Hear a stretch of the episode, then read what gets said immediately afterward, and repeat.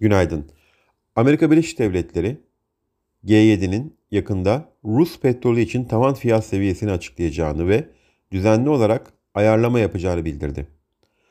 Avrupa Merkez Bankası Yönetim Konseyi üyesi Simkus, enflasyonla mücadele için Aralık ayında 50 veya 75 bas puan faiz arttırmak gerektiğini söyledi.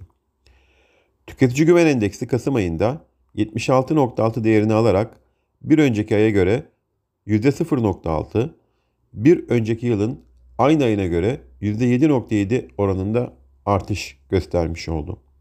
Bugün yurt içinde önemli bir veri akışı bulunmuyor. Yurt dışında FOMC toplantı tutanakları ve çeşitli ülkelerin PMI verileri açıklanacak. Bu sabah Asya endeksleri ve Amerika'da vadeli endeksler hafif alıcılı işlem görüyor. Borsa İstanbul'da pozitif bir başlangıç öngörüyoruz. İyi günler, bereketli kazançlar.